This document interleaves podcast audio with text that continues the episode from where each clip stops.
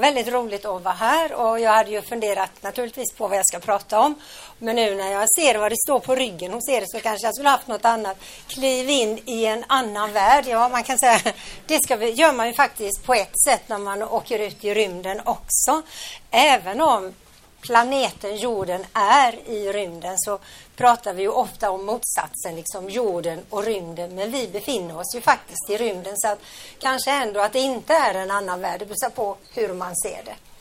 Men mitt tema idag är lite kopplat då till eh, min nya bok som heter Ögon känsliga för stjärnor. Jag har ju mest skrivit barnböcker men eh, det här är en av mina vuxenböcker och den är en personlig bok ska säga då, om astronomi, hur det är att leva med universum runt hörnet, hur, hur jag uppfattar eh, naturen, livet, världen som astronom. Så att man behöver inte ha några förkunskaper alls. Det är däremot inte mina memoarer, men det handlar mycket om mitt liv som astronom och hur det är och hur spännande det är, varför, varför jag inte kan tänka mig någonting annat än att vara astronom. Men frågan är väl för många, och jag vet inte ens om ni har tänkt på det, hur kan vi veta någonting om rymden? Någon som har funderat på det, hur kan vi veta någonting överhuvudtaget? Och vi vet ju väldigt mycket om man tittar på hur mycket böcker det finns i alla fall. Så vet vi en hel del om stjärnorna på eh, tusentals eh, ljusårs avstånd, ända upp till galaxer på miljarder ljusårs avstånd. Hur kan vi veta någonting utan att resa dit? När jag blev astronom så hade inte jag funderat på det heller, måste jag erkänna. Men sen när man inser det så är det ju fascinerande att i stort sett all kunskap vi har om universum, den har vi fått genom att stå här på jorden och titta på universum. Titta på stjärnor, planeter, månar och vad det är. Det vill säga, det är ljuset som är vår informatör. Ljuset berättar det vi vet om universum i stort sett, vi kan säga till 98-99 procent. Och för oss handlar det då om att tolka ljuset. Det är det vetenskapen astronomi går ut på. Och då kan man ju se att det är ju att vi har blivit bättre och bättre på att tolka ljuset. Det är anledningen till att vi vet så mycket mer idag än vad vi gjorde för bara 400 år sedan. För det är ungefär för 400 år sedan som vetenskapliga metoden och det vetenskapliga arbetssättet tar sin början. Det sättet att forska som vi har än idag. Sen är det ju så att människor naturligtvis har haft ögon känsliga för stjärnor i alla tider. Och det är rätt intressant att fundera på att människor som vi många gånger väljer att kalla för primitiva, och när vi går långt tillbaks i tiden, de hade ögon som var mer känsliga för stjärnor än vad all, de flesta har idag. Och det beror ju på många saker, men vi kan ju konstatera att de kunde sin stjärnhimmel mycket, mycket bättre än vad gemene man kan idag faktiskt. Och ibland kunde det handla om eh, skillnaden mellan liv och död, att kunna sin stjärnhimmel, att kunna mäta tiden, att kunna navigera till exempel.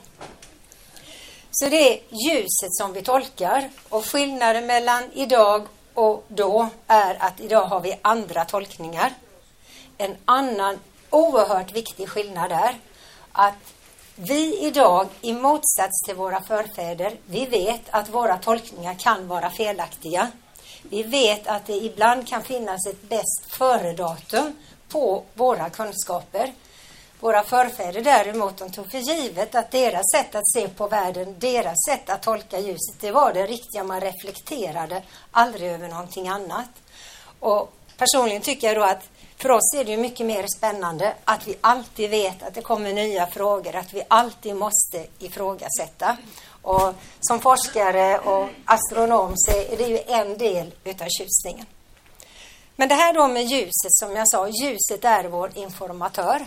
Och jag blev påmind om det idag på morgonen. Jaha, tänkte jag, nu så ska jag ta upp det idag också. Och det var när jag gick och hämtade tidningen. Jag vet inte om ni brukar tänka på rymden när ni hämtar tidningen i brevlådan på morgonen. Men idag så var det ofrånkomligt för mig. För jag har min brevlåda i västlig riktning.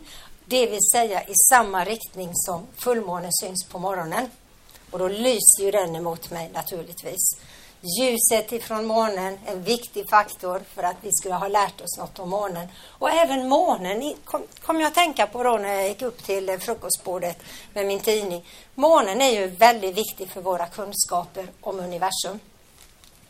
Det var ju 1609 som Galilei för första gången riktade sin hemmabyggda kikare mot stjärnhimlen och månen var ett av de första objekten han tittade på. Och det här var ett av startskotten för den moderna vetenskapen.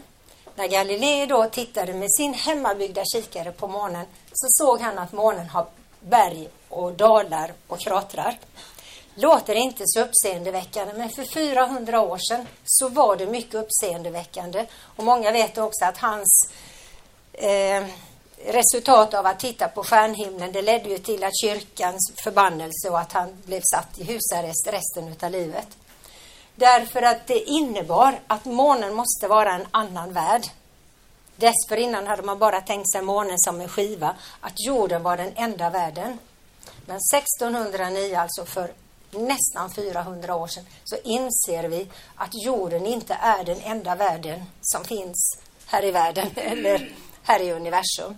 Och det ledde också till att man insåg att planeterna kan vara egna världar och inte gudar som man hade tänkt sig tidigare. Och också att stjärnorna inte heller är gudar utan är några egna världar. Så att månen var en del i startskottet till den moderna vetenskapen. För Galilei sa vidare att vi måste ta hänsyn till vad det är vi gör för observationer.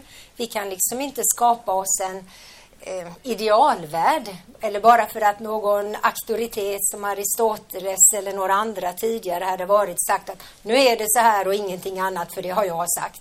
Utan om observationer talar för något annat så måste vi eh, analysera utifrån det och det bygger ju hela naturvetenskapliga forskningen på. Men det var ju inte bara Galilei som använde sig av månen. Det gjorde ju även Newton. Och eh, Newton Okej, okay, hade inte han haft månen så kanske han hade kommit på det här med gravitationen ändå. Men nu hjälpte ju honom månen på traven eftersom han funderade på varför trillar ett äpple ner? Jo, tänkte han, det måste vara någonting här på jorden som drar i det där äpplet. Något som kommer att kallas för dragningskraft eller gravitation. Och då tänkte Newton vidare här i slutet på 1600-talet Ja, hur högt kan ett äppleträd egentligen vara? Kan det vara hur högt som helst och äpplet ändå trilla ner? Och det är en rätt intressant fundering. Och den är ju inte särskilt avancerad den här frågan. Men den frågan leder till en av de största upptäckterna inom naturvetenskapens historia. Det är inte frågorna som behöver vara avancerade, det är att man tänker på ett nytt sätt och det var det Newton gjorde. För Newton kom fram till att ett äppleträd skulle kunna vara hur högt som helst. Vi kan inte säga att det skulle kunna vara 100 meter. Ja, hur skulle det då vara om det var 100 meter och en centimeter? Skulle äpplet då inte trilla ner? Nej, kom ju Newton fram till att det var svårt att tänka sig. Och då kom ju nästa fråga. Så tittade han upp lite mot himlen. Ja, men månen då? Varför trillar inte den ner? Tänk om ett äppleträd var lika högt som månen. Skulle inte äpplet trilla ner då? Men det som var det stora med Newton var inte att han ställde en enkel fråga utan det var att han själv lyckades komma fram till svaret också. Och månen trillar inte ner därför att den rör på sig hela tiden. Om månen stod stilla och inte reste runt jorden, då hade den trillat ner på jorden.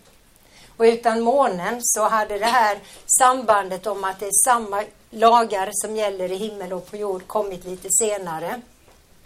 Vi hade säkert upptäckt det till idag, men det var ett språng som Newton tog. Och utifrån det i slutet på 1600-talet så kunde vi gå vidare i rask fart och undersöka universum och undersöka ljus i universum. För då visste vi från den tiden att det är samma lagar som gäller i himmel och på jord. Alltså kan vi göra experiment här på jorden och om ljuset och sen översätta det till det ljus som vi fångar in ifrån stjärnorna. Galilei han bidrog då också med en milstolpe så att säga i vårt seende och i ljusets historia. För det var ju Galilei den där vintern 1609-1610 som var den första människa som använde en kikare för att förstärka sina ögon när han tittade på stjärnhimlen. Dessförinnan hade mänskligheten i hela mänsklighetens historia bara haft sitt, vad säger man, obeväpnade öga eller nakna öga.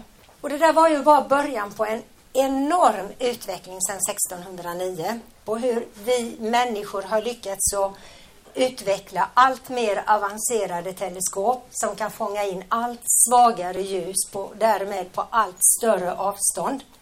Och idag, sedan drygt tio år tillbaks, kan vi till och med skicka ut våra teleskop i rymden. Och då vet jag att det är många som tror att ja, men så bra när vi skickar ut dem i rymden, då kan ju de åka långt ut och fotografera. Men det är inte så det fungerar utan vinsten med att åka ut i rymden det är att vi kommer på andra sidan atmosfären.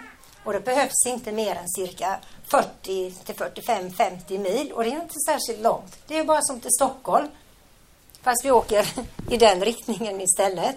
Och då när vi kommer på andra sidan atmosfären då kommer vi ifrån problemet med atmosfären. För det ljus som vi, när vi står på jorden, registrerar ifrån stjärnorna.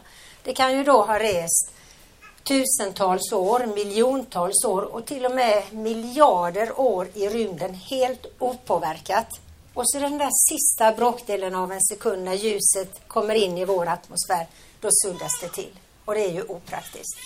Men genom att nu skicka Hubble-teleskopet, vårt rymdteleskop, på andra sidan den suddiga atmosfären så har vi fått fantastiska bilder. Och väldigt många av dagens fotografier som finns i moderna böcker utav både planeter och galaxer, de är tagna just med det rymdteleskopet.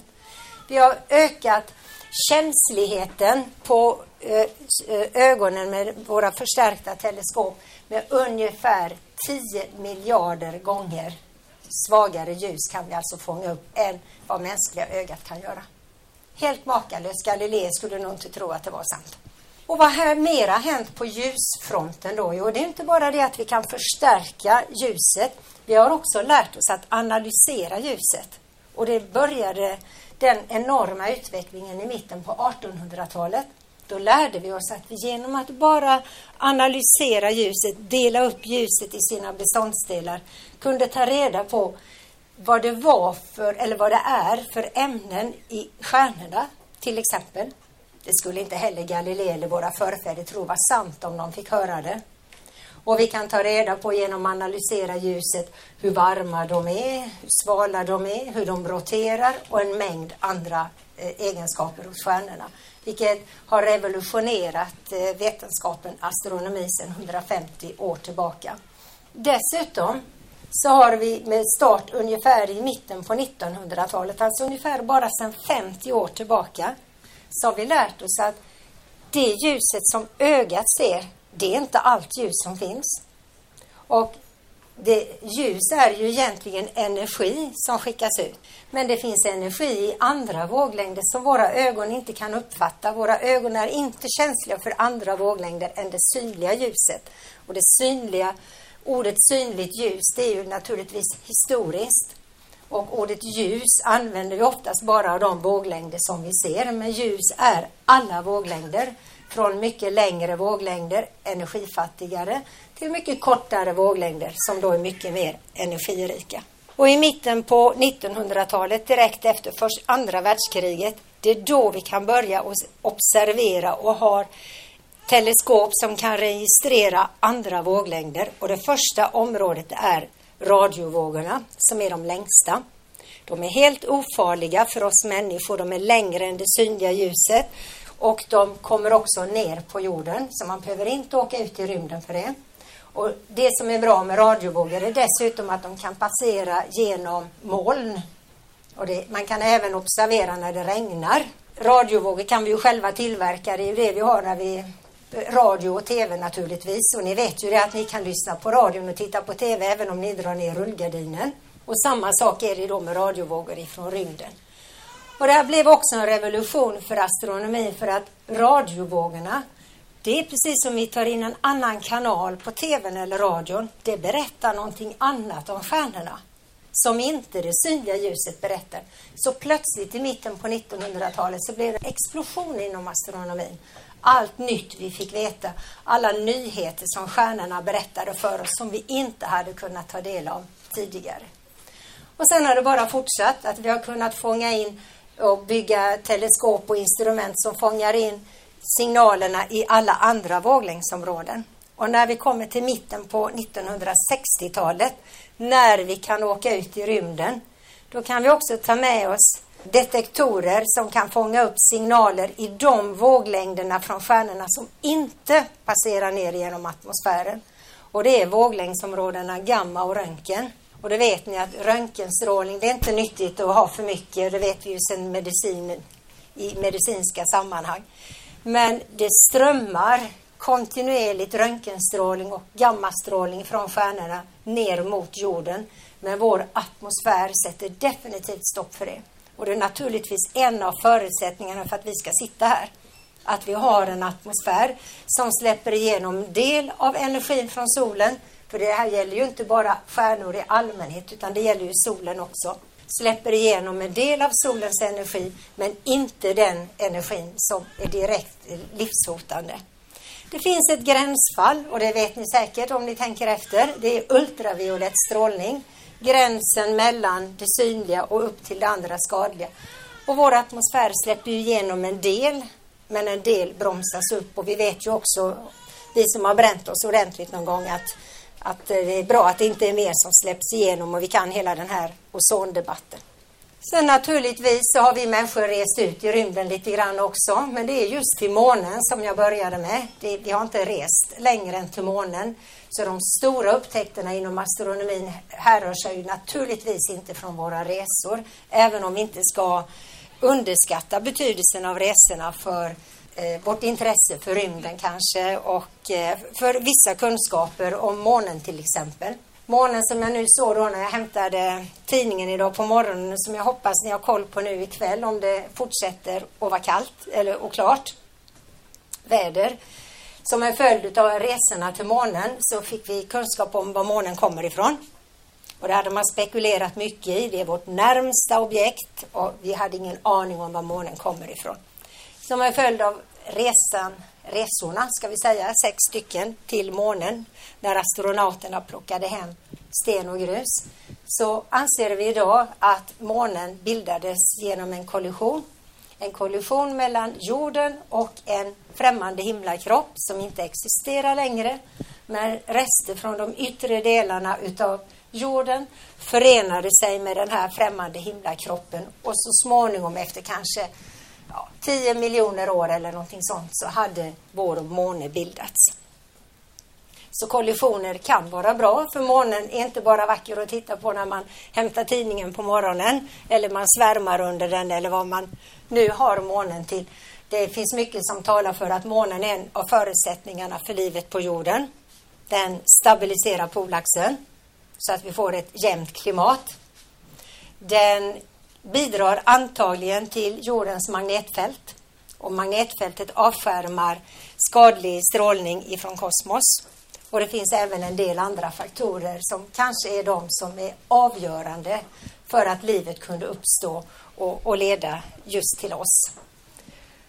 Om sådana här saker är en del som jag berättar då i min nya bok, eh, Ögon känsliga för stjärnor. Och som jag sa, det är en personlig bok. Men eh, eftersom det heter ögon så utgår jag ifrån ögat och vad ögat kan fånga upp, och det vill säga ljus.